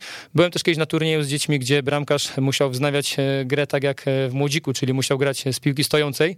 No i wówczas zrobiliśmy tak, że po prostu obrońca wbiegał w pole karne, zagrywał delikatnie do bramkarza, szedł do szerokości wtedy bramkarz znowu mógł tą piłkę wprowadzać i, i mieliśmy, mieliśmy tą przewagę. Wczoraj widziałem takie otwarcie gry w meczu Barcelona-Sevilla, więc Zainspirowałeś pod, pod, podpatrują najlepszych. Trenerze, czy wiesz, że każdego miesiąca w ramach Szkoły Trenerów Online spotykamy się na szkoleniach online z trenerami, których słyszysz w jak uczyć futbolu? Najciekawsi goście z największą wiedzą do przekazania przekazują ją regularnie. E, przekazują ją e, w formie wykładów, w formie warsztatów, e, a osoby uczestniczące w szkoleniach otrzymują też prace domowe do realizacji na kolejne dni. 10 godzin szkolenia, dostęp do niego przez kolejne 14 dni. Jeżeli chcesz poznać szczegóły, zapraszamy na ekstratrener.pl ukośnik STO. Słuchajcie, to jaka, mm, co cechuje co cechuje, co wyróżnia dobrego, dobrego trenera mm, zawodników na poziomie kategorii Orlik. Ja tutaj podejrzewam, że koledzy powiedzą bardzo dużo fajnych rzeczy, jeżeli chodzi o przygotowanie trenera do prowadzenia zajęć w tej grupie wiekowej. Ja bym się chciał skupić na elementach e, gdzieś bardziej związanych z psychologią. I moim zdaniem najważniejsze żeby ten trener był osobą dostępną dla dziecka, bardzo otwartą. E, I daję sobie taki przykład, jeżeli z trenerem ten zawodnik może się powygłupiać przed treningiem, pożartować, mm, nie będzie się bał ten sam zawodnik nie będzie się bał podejść do tego trenera później, opowiedzieć o jakimś swoim problemie. Być może wstydliwym, być może jakimś związanym z rozumieniem nawet gry, bo wiemy często jak trenerzy to jest doświadczenia, gdzie wchodzimy do szatni i to tak naprawdę nie ma znaczenia, czy to jest kategoria e, Orlik, czy to jest kategoria senior. Wchodzimy, mówimy coś przez 5-10 minut, e, wszyscy oczywiście kiwają głowami, tak, trenerzy, a potem wychodzą na boisko i już na rozgrzewce między sobą ktoś tam do kogoś, ty o co mu chodziło, o co chodzi i tak dalej, i tak dalej. Więc wiemy, że e, u takich dzieciaków szczególnie tak jest, wiadomo, wiadomo, że my jako trenerzy mamy bardzo duży autorytet i często jest tak, że my możemy mówić słowami, które dla nas są oczywiste, zrozumiałe, a dla nich nie. I jeżeli mamy dobrą relację z takim zawodnikiem, to on nie będzie się bał podejść po, czy po odprawie, czy przed meczem i powiedzieć trenerze, ja tam czegoś nie rozumiem, ja nie wiem, czy ja na pewno dobrze zrozumiałem, czy ja tam mam stać, a trenerze, a dlaczego tak robimy? I właśnie moim zdaniem, jeżeli trener jest taki otwarty, próbuje przede wszystkim zbudować tą więź z zawodnikiem nie tylko na boisku, nie że 17 trening, to cześć, cześć, 18 cześć, cześć i wychodzę, e, tylko faktycznie przed treningiem jest dla tego zawodnika, po treningu też z nim chwilkę porozmawia e, i jeżeli mamy taką relację z zawodnikiem, że on lubi przed treningiem do nas przyjść i nie wiem, pochwalić się, że dostał wczoraj pieska, no to jeżeli mamy taką relację z zawodnikiem, to nie musimy się bać e, po prostu tego, że on przyjdzie do nas z jakimkolwiek problemem, czy przede wszystkim, że no pójdzie za nami w ogień i to myślę akurat jest ważne, szczególnie w tej kategorii wiekowej z mojej strony. Ja się zgadzam z tym, e, z tym, co powiedział Tomek przed chwilą. E, według mnie każdy trener, który pracuje na tym etapie, powinien wcielać się w dwie e, role. Jedna mm, to rola takiego wymagającego nauczyciela, a druga najlepszego przyjaciela w stosunku do zawodnika. I według mnie kluczowa będzie umiejętność dostosowania się, indywidualizacji w stosunku do poszczególnych zawodników. I to według moim zdaniem jest kluczowe. Jeden zawodnik będzie potrzebował takiego stylu przywództwa, komunikacji, drugie zaś może potrzebować zupełnie czegoś odmiennego. Myślę, że zadaniu i misją, e, która stoi przed nami jako trenerami pracującymi z 10-11-letnimi młodymi ludźmi, jest odpowiednie ich poznanie, a następnie stworzenie im środowiska do, do tego efektywnego wzrastania. Mm, żeby zapalać innych, e, samemu trzeba płonąć. E, tutaj mm, słowa, które według mnie idealnie obrazują to, jakim pasjonatem powinien być trener. Mm, kluczowe jest to, żeby pokazywać tym zawodnikom, że kochamy to, to robić to, co robimy, e, znaleźć czas na żarty, wygłupy, mm, ale też dbać o odpowiednią koncentrację, skupienie na pracy i zadaniach, kiedy wymaga tego sytuacja. E, dlatego też e, podsumowując, te dwie role, dwie postawy, o których wspomniałem, mm, uważam za kluczowe. Ja tutaj zgadzam się oczywiście z Patrykiem i z Tomkiem w 100%. Mógłbym nawet przybić piątkę, bo to są naprawdę fundamentalne rzeczy, które którymi powinien się kierować każdy trener e, pracując w tej kategorii. E, ja bym już odszedł od tych spraw psychologicznych i poruszył temat oddania odpowiedzialności na meczu, e, ponieważ często, no może nawet nie tylko na meczu, ale też również na treningach, ale w meczach to widać najbardziej. Są trenerzy, którzy usiądą na ławce lub staną i będą stali tam przez 60 minut i ewentualnie rozmawiali z zawodnikami, którzy aktualnie siedzą na ławce a są trenerzy, którzy przez 60 minut będą krzyczeć, wydawać polecenia. No i pytanie teraz, którzy są lepsi? Moim zdaniem powinniśmy być tymi pierwszymi jak najczęściej, ponieważ wtedy rozwijają się nasi zawodnicy. Jeśli my ich przygotowujemy przez e, cały tydzień do tego, żeby podjąć e, później rywalizację, no to jest tak jakby ich test. Więc czemu my mamy im jeszcze w tym teście podpowiadać? To jest taka chwila dla nich, gdzie oni mogą się sprawdzić i my potem razem możemy wyciągnąć wnioski i znowu przepracować kolejny tydzień i tak w kółko. Więc tutaj myślę, że dobry trener potrafi oddać odpowiedzialność zawodnikom. Ja chciałbym e, dwa poprzednie tematy poruszyć, bo e, najpierw było pytanie o tym, e, jaki powinien być dobry ten Orlika. Oczywiście zgadzam się z wami panowie, że powinien być kreatywny, entuzjastyczny i tak dalej, natomiast fajnie, jeżeli faktycznie ten trener Orlika jest specjalistą, czyli mm, ja jeszcze nie mam się za specjalistę, ale wiem, że w tej chwili jestem lepszym trenerem Orlika niż byłem dwa lata temu, bo miałem wcześniej rocznik Orlika przez dwa lata, oddałem go, wziąłem nowych Orlików i po miesiącu, dwóch zauważyłem, że ci chłopcy robią to, co tamci robili po pół roku albo po ośmiu miesiącach. I tak zastanawiałem się, czy mają wyższy potencjał e, motoryczny, czy, czy, czy, czy są być może lepsi, a potem doszedłem do tego, że być może ja potrafiłem lepiej ich tego nauczyć, bo już wcześniej e, przetrawiłem to z wcześniejszą grupą e, i z kolejną grupą poszło o wiele szybciej, poszło o wiele płynniej, więc e, ta specjalizacja na tym etapie, na każdym praktycznie, wydaje mi się bardzo, bardzo istotna, więc e, im więcej specjalistów na danej kategorii e, dziecięcej, tym, tym lepiej, a e, jakby mm, odnosząc się do tego, co mówił, co mówił Paweł, w meczu trener e, według mnie e, musi być sobą. Jeżeli trener jest ekspresyjny, ma, ma taki charakter, temperament raczej ekspresyjny, jak każemy mu siedzieć cicho, e, to będzie się gotował w środku, będzie miał problem. Z kolei trener cichy, jak każemy mu nagle być ekspresyjnym przy linii, taki trener introwertyczny też będzie się nieswojo czuł, więc ja myślę, że w tym wszystkim trzeba być, trzeba być sobą. Oczywiście dać zawodnikom grać, ale jeżeli czasem, mm, nie wiem, powiemy zawodnikom, że, że dobrze pochwalimy ich podczas meczu, czy nawet zachęcimy do pressingu, myślę, że nie ma w tym nic złego. Mm, ważne w tym, taką zasadę przyjmuję, żeby nie podpowiadać zawodnikowi, który jest akurat przy piłce, bo on już ma tyle bodźców z zewnątrz, więc y, staram się jemu nie podpowiadać, ale zawodnikom, którzy są bez piłki na przykład, żeby, żeby wrócili, odbudowali ustawienie, bądź wyszli na wolną pozycję, to, to zdarza mi się jak najbardziej podpowiedzieć i nie, nie widzę w tym nic złego. Tutaj bardzo fajnie Patryk e, mówił odnośnie rozpoznawania potrzeb dzieci. Uważam, że to jest e, kluczowe u dobrego trenera. Specjalizacja, jakby być specjalistą w tym, co się robi, jak najbardziej z Damianem się zgodzę. Ja bym dodał tylko jedną rzecz, e, że my jako trenerzy w zasadzie pokazujemy tylko drogę. Nie zrobimy czegoś za naszych małych zawodników. Musimy dać im przestrzeń do rozwoju, pokazać im w jaki sposób można to robić, no i być takimi no, którzy dają wędkę, a nie rybę, więc y, to, to, co zawodnik y, zrobi z tymi wskazówkami, z tą drogą, którą wyznaczymy, to już jest y, chyba kwestia właśnie samego zawodnika. Panowie, powiedzcie w takim razie, czego unikać tutaj. Oczywiście, żeby nie przeskoczyć za szybko do jakiegoś e, kolejnego etapu, mm, co, co, co jest takim błędem, E, który gdzieś może zauważyliście, gdzieś u kogoś widzieliście, a zdecydowanie odradzacie? Ja, jeżeli jeszcze mogę, chciałbym się najpierw odnieść jeszcze do specyfikacji trenera, profesjonalizacji. Wiadomo, że on jakby specjalizuje się w jednym roczniku.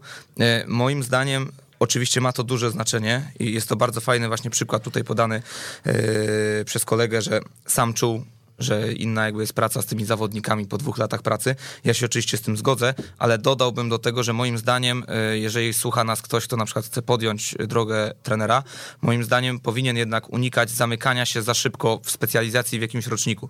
Dlatego, że ja mogę dać przykład akurat siebie jako trenera, który był przez 3-4 e, lata w tej kategorii Orlik i moim zdaniem e, mnie bardziej jako trenera wzbogaciło na przykład to, że zostałem trenerem seniorów i moim zdaniem to jest jednak bardzo ważne, żebyśmy nie zapominali o tym, żeby trener działał na różnych frontach, ponieważ e, praca na, w różnych kategoriach wiekowych moim zdaniem otwiera też oczy na pewne elementy, o których sobie nawet możemy nie zdawać sprawy. Podsumowując e, to, co tutaj chciałem powiedzieć, żeby się za bardzo nie rozgadać na tym temacie, jeżeli ktoś przez 10 lat będzie trenerem tylko i wyłącznie w kategorii Orlik, uważam, że co roku będzie coraz lepszym trenerem w kategorii Orlik, ale jeżeli ktoś przez to 10 lat będzie prowadził nie tylko Orlika, ale na przykład poprowadzi trampkarza w piłce 11-osobowej, E, może nawet zejdzie też do niższej kategorii. E, nie wiem, czy się koledzy zgodzą, pewnie się tego później odniosą. Uważam, że da to też im dużo więcej, niż by się zamknęli tylko i wyłącznie na jednej kategorii wiekowej. A odpowiadając na pytanie, czego należy unikać e, w tej kategorii wiekowej, Myślę, że też to moglibyśmy rozbić na inne kategorie wiekowych, ale moim zdaniem przede wszystkim powinniśmy unikać treningu długich przystojów, e, długich tłumaczeń, długich jednofalowych e, ćwiczeń, w których e, chcemy, żeby zawodnik był inteligentny, szybko podejmował decyzje, a z drugiej strony czasami, tak jak to w starych czasach się prowadziło trening, jakieś ćwiczenie, schemat rozegrania 35 minut, 40 minut. Jeżeli tworzymy takie środowisko, które jest jednostajne, no to nie możemy potem oczekiwać, że ten zawodnik nagle tak sam z siebie stanie się inteligentny. Dlatego moim zdaniem bardzo ważne, żeby e, ten trening cały czas był płynny, żeby były płynne przejścia między ćwiczeniami, żeby były wiecznie, ten zawodnik był bodźcowany nowymi elementami. Ponieważ chcemy, żeby przede wszystkim on się uczył adoptowania do zmian. Więc taki dla mnie taki przykładowy najgorszy trening to jest jeżeli 30 minut byśmy ćwiczyli y, podania w jakimś jednym jednostajnym ćwiczeniu, a potem byśmy zrobili 30 minut i to specjalnie nazwę nie ćwiczeniem strzeleckim, tylko strzelbą w starym stylu i 30 minut strzelby. Strzelby, bo w takim treningu moim zdaniem zawodnicy są zmęczeni psychicznie. E, może, jeżeli chodzi o umiejętności techniczne, może skorzystał na tym treningu troszeczkę bramkarz, aczkolwiek moim zdaniem bramkarz, który przez 30 minut broni 150 strzałów z dokładnie tego samego tempa akcji, z dokładnie tego samego miejsca boiska, e, mógłby e, nie radzić sobie z uderzeniem 6 metrów z lewej strony, ponieważ by był zaskoczony parabolą lotu piłki. Dlatego moim zdaniem najważniejsze, żeby w tych treningach, może nie najważniejsze, ale mi akurat to jest element, który utkwił, żeby unikać takich zachowań, żeby to nie było jednostajne i przede wszystkim też sam powiem gdzieś tam ze swojego doświadczenia, jak ja jako zawodnik, jak ja słyszałem, kiedy trener mówi stop, i coś zaczynał tłumaczyć, to y, ja, mi już głowa opadała, bo wiedziałem, że to może być rozmowa dużo większa niż dwie minuty i, i się bałem po prostu, że ten trening już się skończył. Ja tutaj odnoszę, odniosę się tylko do tego właśnie, do tej specjalizacji, o której wspomniał Tomek. E, myślę, że można to rozwiązać w prosty sposób, e, będąc pierwszym trenerem e, właśnie na przykład w Orliku, a asystować w innych kategoriach i Dokładnie. wtedy mamy wszystko połączone. Rozwijamy się, ro, swoją specjalizację, a jednocześnie poszerzamy horyzonty, e, ucząc się od innych trenerów i pracując z innymi kategoriami. Także myślę, że to będzie taki złoty środek, jeśli mamy oczywiście takie warunki. Ja może zwrócę e, uwagę w tym miejscu na, na rzeczy, które z takiego praktycznego e, punktu widzenia, mm, e, którymi kieruję się, kierowałem się w pracy w Rakowie, czy mm, którymi kierujemy się teraz e, pracując w Hutniku. E, rzeczy, aspekty, które można wprowadzić, wyeliminować z procesu treningowego, a mm, na pewno wpłyną one bezpośrednio na efektywność tego procesu. Przede wszystkim bieganie dookoła boiska zawodników, czyli w, nawet w formie rozbiegania. Można na pewno zastąpić to innymi, bardziej efektywnymi formami. Ćwiczenia z rękoma. E, tutaj musimy sobie zadać pytanie, czy trenujemy koszykówkę, siatkówkę, piłkę ręczną, rugby, e, czy piłkę nożną. E, I na pewno tych ćwiczeń z grą rękoma, szczególnie w części głównej treningu bym unikał. Tak samo mm, jak formy ścisłej zamkniętej. Oczywiście wszystko e, formy ścisłej zamkniętej dlatego, że te odtwórcze schematy podań na pewno można zastąpić innymi bardziej efektywnymi formami, a choćby formą ścisłą otwartą, gdzie zawodnik podejmuje decyzję w oparciu o kontrolę przestrzeni, e, czyli unikałbym tych e, ćwiczeń bez rywala, E, tutaj do, kształtowania te, tego aspektu technicznego e, bez przeciwnika e, według określonego wzorca. Moim zdaniem zawodnik ma być przede wszystkim skuteczny, potrafi, potrafiący działać w zmieniających się warunkach. Oczywiście chodzi o proporcje. To nie, nie jest tak, że z tej formy ścisłej mamy zamknięty, w ogóle mamy wyeliminować i, i z niej zrezygnować, ale, ale na pewno Tutaj ostatnio trener Paweł Grysman mm, powiedział na jednym ze szkoleń fajne zdanie, że e, w Benficy Lizbona w młodszych rocznikach e, mm, nie ma w ogóle formy ścisłej, natomiast pojawia się ona w starszych. Jako argumentacją tego jest fakt, że e, na początku musimy nauczyć się tego rozumienia gry, a jeżeli zawodnicy będą potrafili rozumieć grę, to będziemy w starszych rocznikach pojawia się ta forma ścisła zamknięta, aby doskonalić narzędzia. Jeżeli jeszcze mm, miałbym wymienić takie aspekty, aspekty, których bym unikał w treningu, to ćwiczenia e, skonstruowane wszerz boiska, czyli e, istotne jest tutaj projektowanie ćwiczeń zgodnie z kierunkiem gry, ćwiczenia niemeczowe, których również bym unikał, choćby podanie piłki do, do partnera i gra z nim jeden na jeden, obieganie bramek e, przed pojedynkiem jeden na jeden, to kolejny element ćwiczenia nieumiejscowione w przestrzeni docelowej, czyli przykładowo, jeżeli realizujemy wspomniane już otwarcie gry, e, to musimy sobie zadać pytanie, czy będziemy je realizowali w polu karnym, czy na połowie boiska. E, tak jak tutaj Tomek powiedział, kolejki, e, przerwy, no starajmy się minimalizować ten czas martwy. Jeżeli chodzi o taką postawę trenera, zwróciłbym jeszcze uwagę na mm, ręce w kieszeni, na postawę E, którą często określa się jako postawę gestapowca, czyli założone ręce, e, ręce do tyłu, zamknięta pozycja ciała i o takie zachowanie trenera, czyli mm, można powiedzieć takie zachowanie określające jako marazm. Mm, wydaje mi się, że to jest też kluczowe, żeby na treningu e, była dobra atmosfera, mm, atmosfera sprzyjająca pracy. Czego należy unikać w tej kategorii? Na pewno jeszcze specjalizacji na pozycjach. Co prawda chłopcy już i dziewczyny mają swoje jakby tam ulubione pozycje, bądź najczęściej wybierane pozycje. Natomiast z takiej stricte z specjalizacji na pozycjach jeszcze bym nie tutaj nie robił. Na to przyjdzie czas. Nawet łącznie z bramkarzem. Dobrze, jeżeli podczas treningu bramkarz również bierze udział w, w grach, w różnych innych, innych, innych ćwiczeniach. W meczach tak samo. My często, najczęściej jak jedziemy na, na sparring albo ktoś do nas przyjeżdża, to bramkarz w pierwszej połowie broni w bramce, natomiast w drugiej połowie idzie na lewe skrzydło, a, a inny, inny zawodnik wchodzi do bramki i, i czy tam się zmieniają w drugiej połowie w tej bramce, więc, więc myślę, że dopiero od kategorii e, młodzik bym powiedzmy tego bramkarza specjalizował, a tutaj jeszcze on może być, natomiast jeszcze bym go na stałe na niego nie stawiał. Natomiast e, odnośnie tego, co mówił Patryk, mówił e, bardzo dużo mądrych rzeczy, natomiast z jedną rzeczą się pozwolę nie zgodzić. Natomiast chodzi mi o grę rękami w trakcie treningu. Oczywiście w części głównej nie, natomiast w części wstępnej uważam, że, że jest to bardzo fajna forma. E, możemy zrobić grę na utrzymanie rękami, potem po prostu dać piłkę na ziemię i grać grę na przykład grę do pięciu podań e, rękami, możemy zagrać w rugby, możemy, możemy właśnie w tej formie e, rozpocząć trening. Mm, pamiętajmy o tym, że dzieciaki teraz nie mają WF-u, więc e, ta sprawność ogólna, koordynacja ogólna jest niezmiernie istotna, więc myślę, że ta, e, ta praca rękami też mi się przyda w treningu. Jeszcze jakbym mógł e, powiedzieć na temat rozgrzewek, to warto, aby od razu były mocne, czyli nie, aby to nie były ćwiczenia kształtujące, aby to nie były e, takie rozgrzewki e, z jakimś powolnym prowadzeniem piłki i stopniowe wprowadzenie do treningu. To oni mają być gotowi na, na 100%, jak trening się rozpoczyna i e, ja treningi przeważnie rozpoczynamy albo e, grą jeden na jeden w chaosie, albo jakąś grą zadaniową, grą na utrzymanie, może to być berek, murarz, cokolwiek, ale od razu, od razu jest wysoki poziom pobudzenia i, i fizycznego, i, i psychicznego. E, zauważyłem, że przyniosło to korzyść na, na jak na sparingach od razu wchodzimy mocno, nie potrzebujemy tych pierwszych 15 minutach, żeby wejść. Często jest tak, że dopiero obudzą się zawodnicy na, na drugim meczu, prawda? Bo jeżeli będziemy e, tak rozpoczynać treningi, no to potem nie dziwmy się, że, że ten pierwszy mecz na turnieju będzie, będzie słabszy, więc proponuję od razu wchodzić w trening mocno. Jeżeli chodzi o tą e, grę rękami, to, to ja oczywiście się z tym zgadzam. Jeżeli nie ma nic złego w tym, żeby mm, w części wstępnej wykorzystać jakąś zabawę, choćby z, podaniem piłki rękoma. Natomiast chodziło mi szczególnie o tą część e, główną, mm, żeby, żeby z niej to wyeliminować. To panowie, jak e, dla was wygląda idealna jednostka treningowa w pracy z Orlikiem? Ja bardzo krótko, e, kiedyś słyszałem bardzo taką mądrą radę, że idealna jednostka treningowa powinna zawierać 3R, czyli, przepraszam, 3Z. Zawodnik po, po, po treningu powinien być zmęczony, zadowolony i zainspirowany. Więc ta zasada 3Z mi przyświeca i, i, i, i staram się nią kierować. Ja tutaj może troszkę bardziej analitycznie, ale też krótko. E, tak jak we Spanioli trenujemy, czyli zawsze mamy motoryczną rozgrzewkę, ćwiczenie główne, które często jest tylko jedno, ale, ale które realizuje cały temat. 50% treningu przynajmniej jest to gra, bo chcemy grać w piłkę nożną.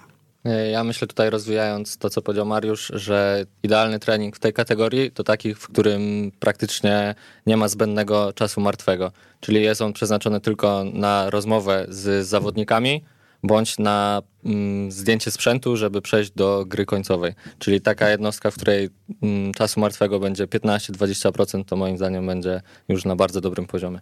Mm, mi się wydaje, że tego treningu idealnego e, w jakimś stopniu nie, nie zrealizujemy, bo o ile dla zawodników, e, tych mniej, mniej świadomych, e, dotyczących celów treningowych, ta jednostka często będzie, będzie tą określaną mianem idealnej, nieskazitelnej, aczkolwiek jeżeli chodzi o nas trenerów, to, to zawsze jest coś do poprawy i zawsze, zawsze możemy coś, coś zrobić lepiej, mm, zaplanować ten trening lepiej, zorganizować go lepiej, przygotować się do niego w lepszy sposób, ponieważ najlepsze e, ćwiczenie czy trening nie przyniesie nigdy efektu, jeżeli, jeżeli nie będzie dobrze zorganizowany i zaplanowany. Jeżeli chodzi o e, to, co Paweł przed chwilą powiedział, czas martwy, czyli zminimalizowanie tego e, czasu czasu martwego, wydłużenie czasu aktywnego, rzeczywistego pracy też uważam za, za kluczowe.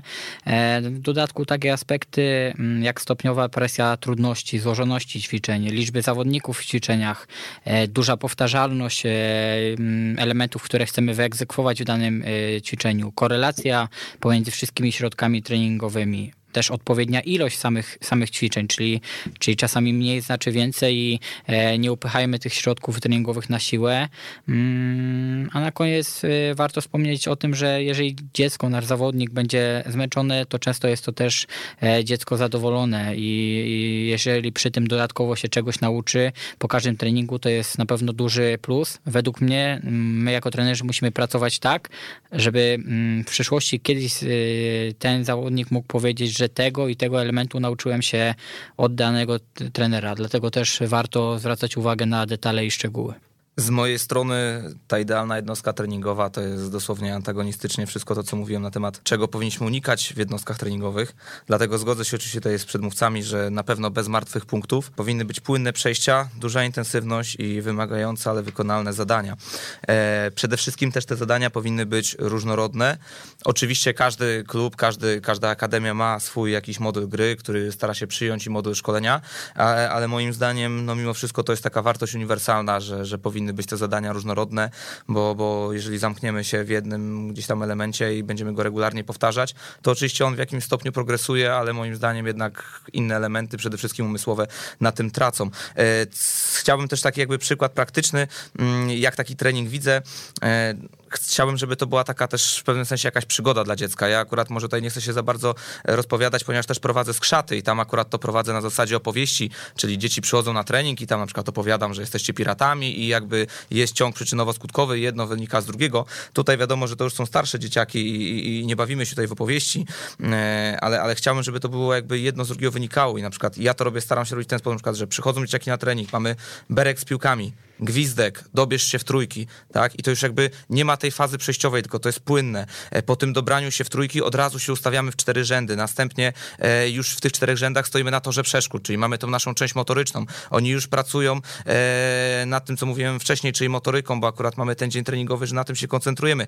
Gwizdek, uzupełniamy płyny i to jest też jakby komunikat tutaj ode mnie jako trenera, że zostało wam 55 sekund na napicie się, więc to jest wszystko w takim pewnym rytmie.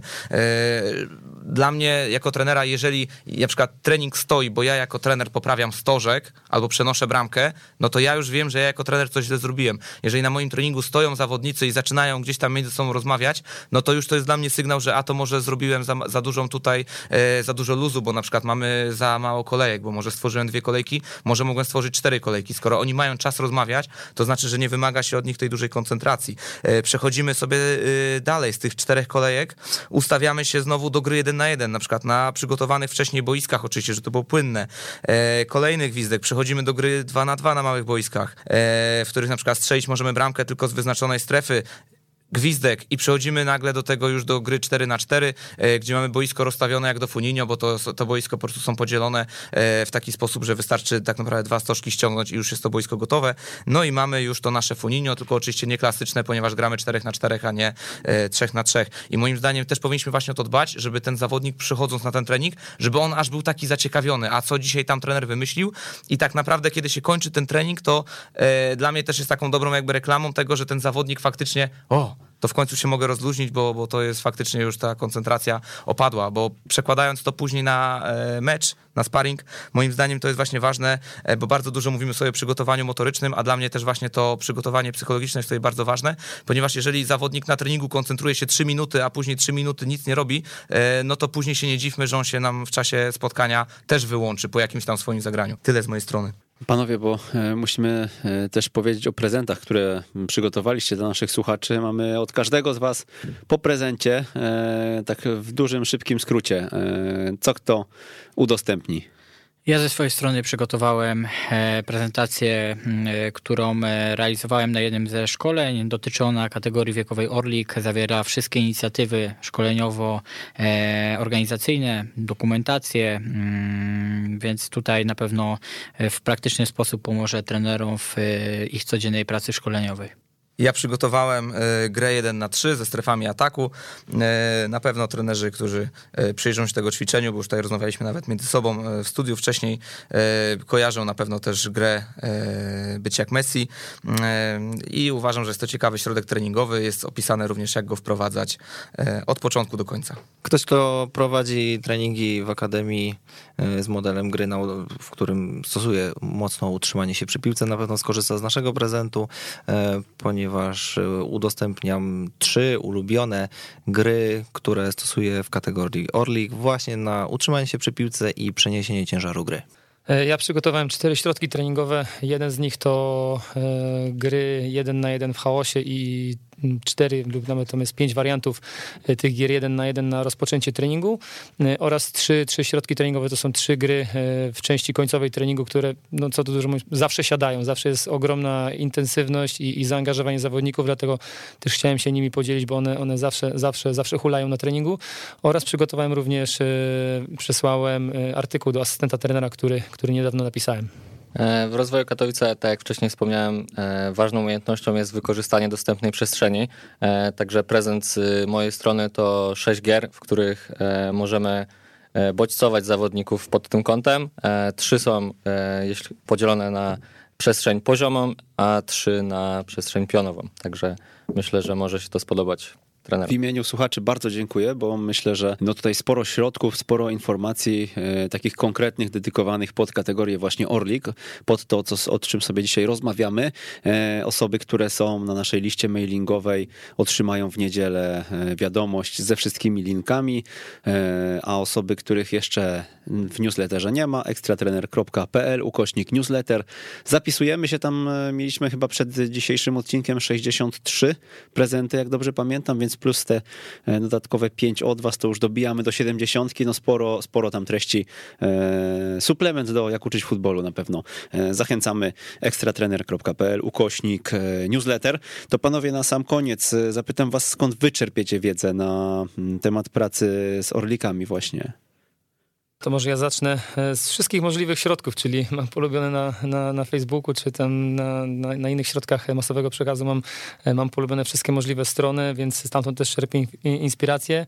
Wiadomo, książki, czasopisma, e, podcasty, jak uczyć, jak uczyć futbolu, ale również myślę, że nieocenione są, są staże, dlatego też bardzo zachęcam trenerów do, do odbywania staży, bo często jest tak, że jakiś artykuł przeczytamy, ale niekoniecznie, ok, powiemy, że on jest fajny, natomiast niekoniecznie wprowadzimy go w życie Natomiast po, po odbyciu takiego stażu jestem przekonany, że przywieziemy coś, coś do swojego klubu, co wykorzystamy, co zaczniemy wprowadzać w życie, bo nie jest ważne, co, co, co wiemy, ale co, co robimy, więc to, do tego bardzo zachęcam. I jeżeli mogę, to też zachęcam, zachęcam do odbywania tych staży samemu, bo byłem na paru stażach gdzieś ze znajomymi trenerami i byłem też dwa razy sam i zdecydowanie więcej wyniosłem, jak byłem sam. E, wtedy człowiek jest skupiony w pełni. Zależy z kim jechałeś. nie, chodzi mi, nie chodzi mi nawet o aftery, ale nawet oglądając oglądając y, trening, to czasem jak ktoś jest z innym trenerem, to przegada ten okres zamiast, zamiast pełną jego esencję wyciągnąć, więc zachęcam do nawet do pojechania do innego kraju samemu, także y, dużo to daje. Ja bym zwrócił uwagę na książki czasopisma, nie tylko te mm, związane z piłką nożną, ale, ale też e, z in, inną tematyką. Szkolenia stacjonarne, konferencje, szkolenia, warsztaty online. Istotne jest według mnie środowisko, w obrębie którego e, funkcjonujemy jako trenerzy. Jeżeli mamy obok siebie osoby, które też chcą zdobywać wiedzę, nowe doświadczenia, to będzie o to zdecydowanie łatwiej. Ale chyba najwięcej wiedzy mm, sam e, czerpię z dzielenia dzielenia się wiedzą, czyli e, czy to podczas prowadzonych szkoleń, rozmów, wymiany spostrzeżeń. Myślę, że taka droga daje mi najwięcej wiedzy. E, ja na początku trochę wazeliny, czyli wiadomo, ekstra trener i podcasty. E, jeżeli chodzi o literaturę, no to tutaj myślę, że nieoceniony jest asystent trenera. Polecam również taki portal jak Trening 2.0. Wszelkiej maści literaturę, ale w głównej mierze poleciłbym akurat tutaj literaturę trenera Grycmana.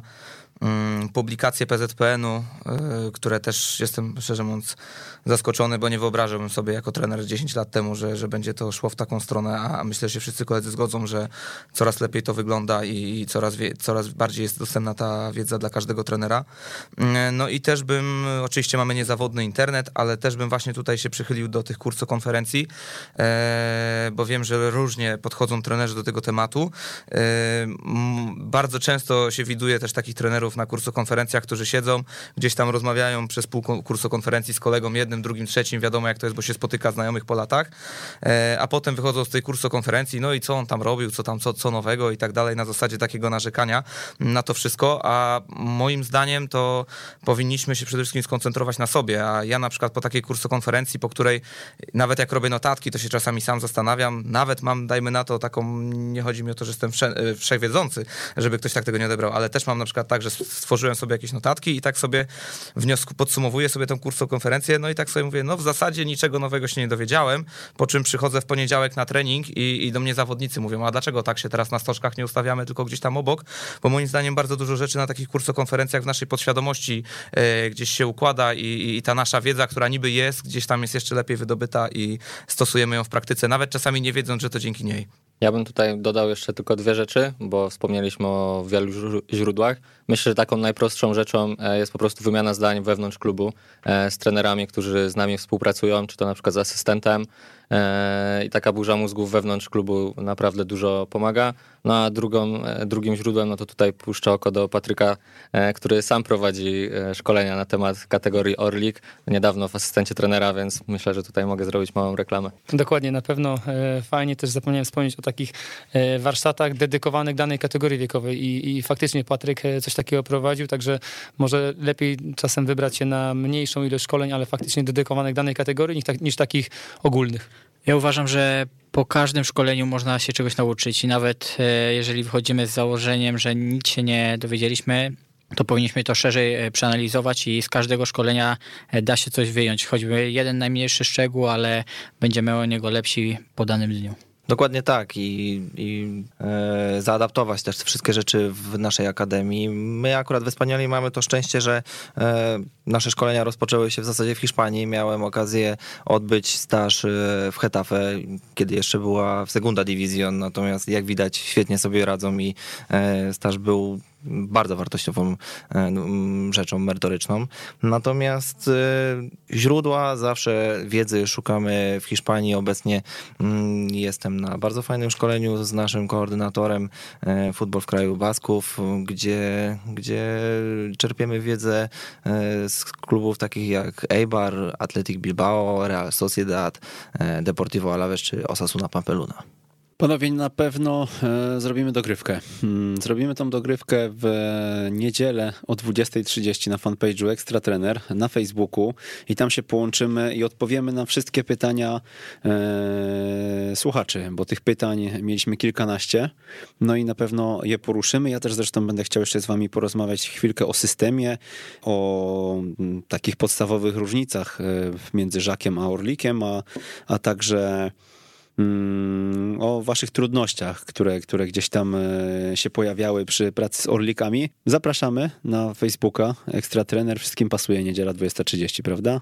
Tak Najbliższa niedziela. Jeżeli mm, słuchacie nas gdzieś po jakimś czasie, nie jesteście na żywo, to ekstratrener.pl ukośnik 123. Tam tego live'a e, też sobie dokleimy. E, albo już dokleiliśmy, jeżeli słuchacie z odtworzenia. I na koniec zapytam was, z jakim zdaniem chcielibyście zostawić naszych słuchaczy Koledzy patrzą na mnie, więc e, pozwolę, e, pozwolę zacząć. E, z jakim zdaniem? Trenerze, uśmiechaj się do dzieci, bądź entuzjastyczny i podczas treningu wymień chociaż raz imię każdego zawodnika. To wszyscy zostawiamy z zdaniem Damiana? Pamiętajmy, ja zwrócę um, uwagę na je, takie zdanie, które powiedział Krystian Pać, trener Mobilnej Akademii Młodych Orów w województwie małopolskim. E, pamiętajmy, że w ostatecznym rozrachunku pracy z dziećmi i młodzieżą, tym co, e, tym, co naprawdę... Mm, e, jeszcze raz, pamiętajmy, że w ostatecznym rozrachunku pracy z dziećmi i młodzieżą, tym co naprawdę się liczy nie jest to, jak wiele meczów wygrałeś, ale to, jak wielu ludziom pomogłeś wygrać w życiu. Ja bym odszedł akurat w moim zdaniu troszeczkę od piłki nożnej, tak ogólnie może, może chciałem po prostu zainspirować. E, ludzie przed śmiercią nie żałują tego, co zrobili, tylko czego nie zrobili. Ja może troszkę bardzo, no takie oklepane, które mam nadzieję, że każdy trener zna, ale ćwiczy tak jak grasz, a twoi zawodnicy będą grać tak jak ćwiczysz. No, ja tutaj również e, czymś oklepanym, no bo myślę, że trenerzy powinni zrozumieć w tej kategorii, że albo się wygrywa, albo się uczy. Także myślę, że z tym powinniśmy zostawić trenerów, którzy są e, skupieni za, zbyt mocno na wyniku. Patryk Kajderowicz. Dziękuję bardzo. Tomasz Kunicki. Dziękuję serdecznie. Mariusz Talarczyk. Dziękuję pięknie. Paweł Kwiatkowski Dziękuję bardzo. i Damian Serwuszok. Dziękuję bardzo i chciałbym przy okazji pozdrowić moją małżonkę, która zgłosiła mnie do podcastu oraz wszystkich e, trenerów z Akademii Odropole. Ja go się również pozdrawiam. To ja w takim razie też się od razu włączę, bo mnie żona udusi, jak tego nie powiem i też oczywiście pozdrawiam moją żonę. E, Akurat z Damianem była taka sytuacja, że tutaj zgłoszenie wpłynęło od żony, e, no ale napisała na tyle ciekawie o swoim mężu, że jest tutaj dzisiaj z nami. Słuchajcie, bardzo wam dziękuję za przyjazd, naprawdę mega mm, mocne przygotowanie, bardzo dużo notatek z waszej strony i e, no i fajnie, że tak to wygląda, że nasi słuchacze prezentują taki poziom po prostu, e, no bo myślę, że byli też inni, którzy pewnie e, w równym stopniu mm, by się przygotowali i przyjechali tutaj. Fajnie, że padło na was. Ja myślę, że w ogóle te podcasty na temat poszczególnych kategorii rozwiniemy jeszcze w przyszłości i będziemy sobie jakiś, jak już przejedziemy raz wszystkie, to, to zrobimy jakiś drugi sezon, bo no naprawdę te osoby, których gdzieś tam maile zapisałem sobie, mogą liczyć, że, że się skontaktujemy. Zresztą e, jak wysyłaliście zgłoszenie do Orlika, a pracujecie też już e, kilka lat na przykład z młodzikami, nie zrażajcie się, że nie ma was dzisiaj tutaj, bo właśnie e, może będziecie po prostu za kilka odcinków i pogadamy sobie o młodzikach. Zapraszamy na dogrywkę w niedzielę 20.30 fanpage Ekstra Trener na Facebooku. Ja nazywam się Przemysław Mamczak, to był 123 odcinek Jak uczyć futbolu. Do usłyszenia za tydzień. Jeżeli spodobał Ci się ten odcinek i wspólnie z nami chcesz podnosić poziom szkolenia w Polsce, o istnieniu podcastu Jak uczyć futbolu poinformuj jednego znajomego trenera, którego takie treści mogłyby rozwinąć. Z góry pięknie Ci za to dziękujemy i raz jeszcze do usłyszenia.